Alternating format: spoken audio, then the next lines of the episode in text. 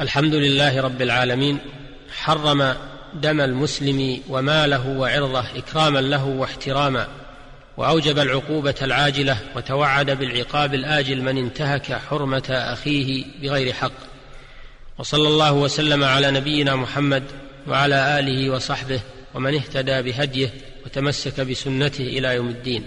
وبعد أيها الإخوة المستمعون السلام عليكم ورحمة الله وبركاته. ونتحدث إليكم في هذه الحلقة عن حد القذف امتدادا لأحاديثنا السابقة في هذا الموضوع. فنقول قد عرف الفقهاء رحمهم الله القذف بأنه الرمي بزنا أو لواط وهو في الأصل الرمي بقوة ثم استعمل في الرمي بالزنا ونحوه من المكروهات. والقذف محرم بالكتاب والسنة والإجماع. قال تعالى والذين يرمون المحصنات ثم لم يأتوا بأربعة شهداء فاجلدوهم ثمانين جلدة ولا تقبلوا لهم شهادة أبدا وأولئك هم الفاسقون إلا الذين تابوا. هذه عقوبة القاذف العاجلة في الدنيا الجلد ورد شهادته واعتباره فاسقا ناقصا سافلا إذا لم يتب إلى الله سبحانه وتعالى. وأما عقوبته في الآخرة فقد بينها الله تعالى بقوله إن الذين يرمون المحصنات الغافلات المؤمنات لعنوا في الدنيا والآخرة ولهم عذاب عظيم يوم تشهد عليهم ألسنتهم وأيديهم وأرجلهم بما كانوا يعملون يومئذ يوفيهم الله دينهم الحق ويعلمون أن الله هو الحق المبين وقال النبي صلى الله عليه وسلم اجتنبوا السبع الموبقات وعد منها قذف المحصنات الغافلات المؤمنات وقد أجمع المسلمون على تحريم القذف وعدوه من كبائر الذنوب وقد أوجب الله الحد الرادع على القاذف فإذا قذف المكلف المختار محصنا بزنا أو لواط فإنه يجلد ثمانين جلدة بقوله تعالى والذين يرمون المحصنات ثم لم يأتوا بأربعة شهداء فاجلدوهم ثمانين جلدة ومعنى الآية الكريمة أن الذين يقذفون بالزنا المحصنات الحرائر العفائف العاقلات ثم لم يأت هؤلاء القذفة بأربعة شهداء على ما رموهن به فاجلدوهم ثمانين جلدة. ولا فرق بين كون المقذوف ذكرا أو أنثى وإنما خص النساء بالذكر لخصوص الواقعة. ولأن قذف النساء أشنع وأغلب.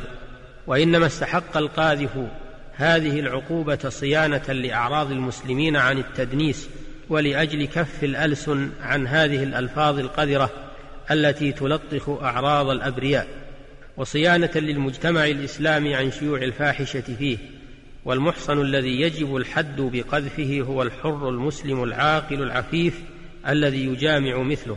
قال ابن رشد اتفقوا على أن من شروط المقذوف أن يجتمع فيه خمسة أوصاف البلوغ والحرية والعفاف والإسلام. وأن يكون معه آلة الزنا فإن انخرم من هذه الأوصاف وصف لم يجب الحد. وحد القذف حق للمقذوف يسقط بعفوه ولا يقام إلا بطلبه. فإذا عفى المقذوف عن القاذف سقط الحد عنه ولكن يعزر بما يردعه عن التمادي في القذف المحرم المتوعد عليه باللعن والعذاب الأليم. قال شيخ الإسلام ابن تيمية رحمه الله لا يحد القاذف إلا بالطلب اجماعا انتهى.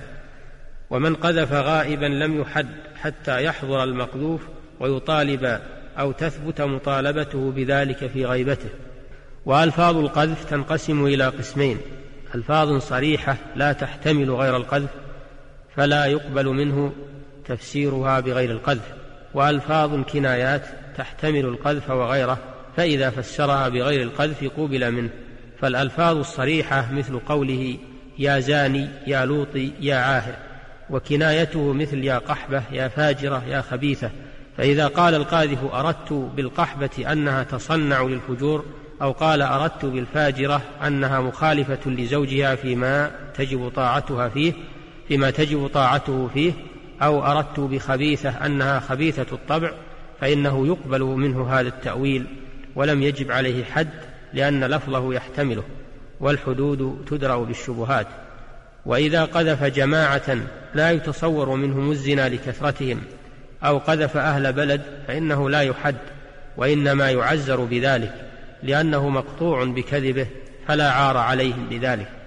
وإنما يعزر في هذه الحالة لأجل أن يتجنب هذه الألفاظ هذه الألفاظ القبيحة والشتائم البذيئة وذلك معصية يجب تأديبه عليها ولو لم يطالبه أحد.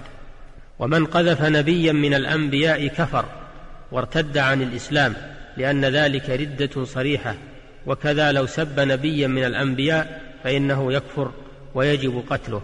قال شيخ الإسلام ابن تيمية رحمه الله وقذف نساء النبي صلى الله عليه وسلم كقذفه صلى الله عليه وسلم في أنه يحكم بردة القاذف.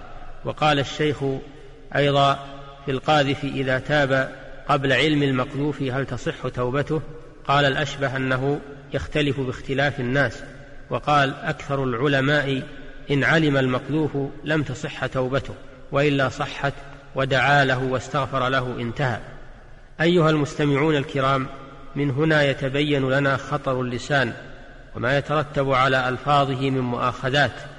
وقد قال النبي صلى الله عليه وسلم وهل يكب الناس في النار على وجوههم أو قال على مناخرهم إلا حصائد ألسنتهم؟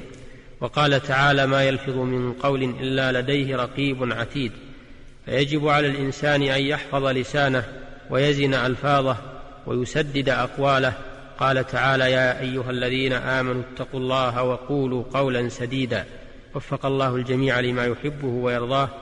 وإلى الحلقة القادمة بإذن الله تعالى. والسلام عليكم ورحمة الله وبركاته. والحمد لله رب العالمين. وصلى الله وسلم على نبينا محمد وآله وصحبه.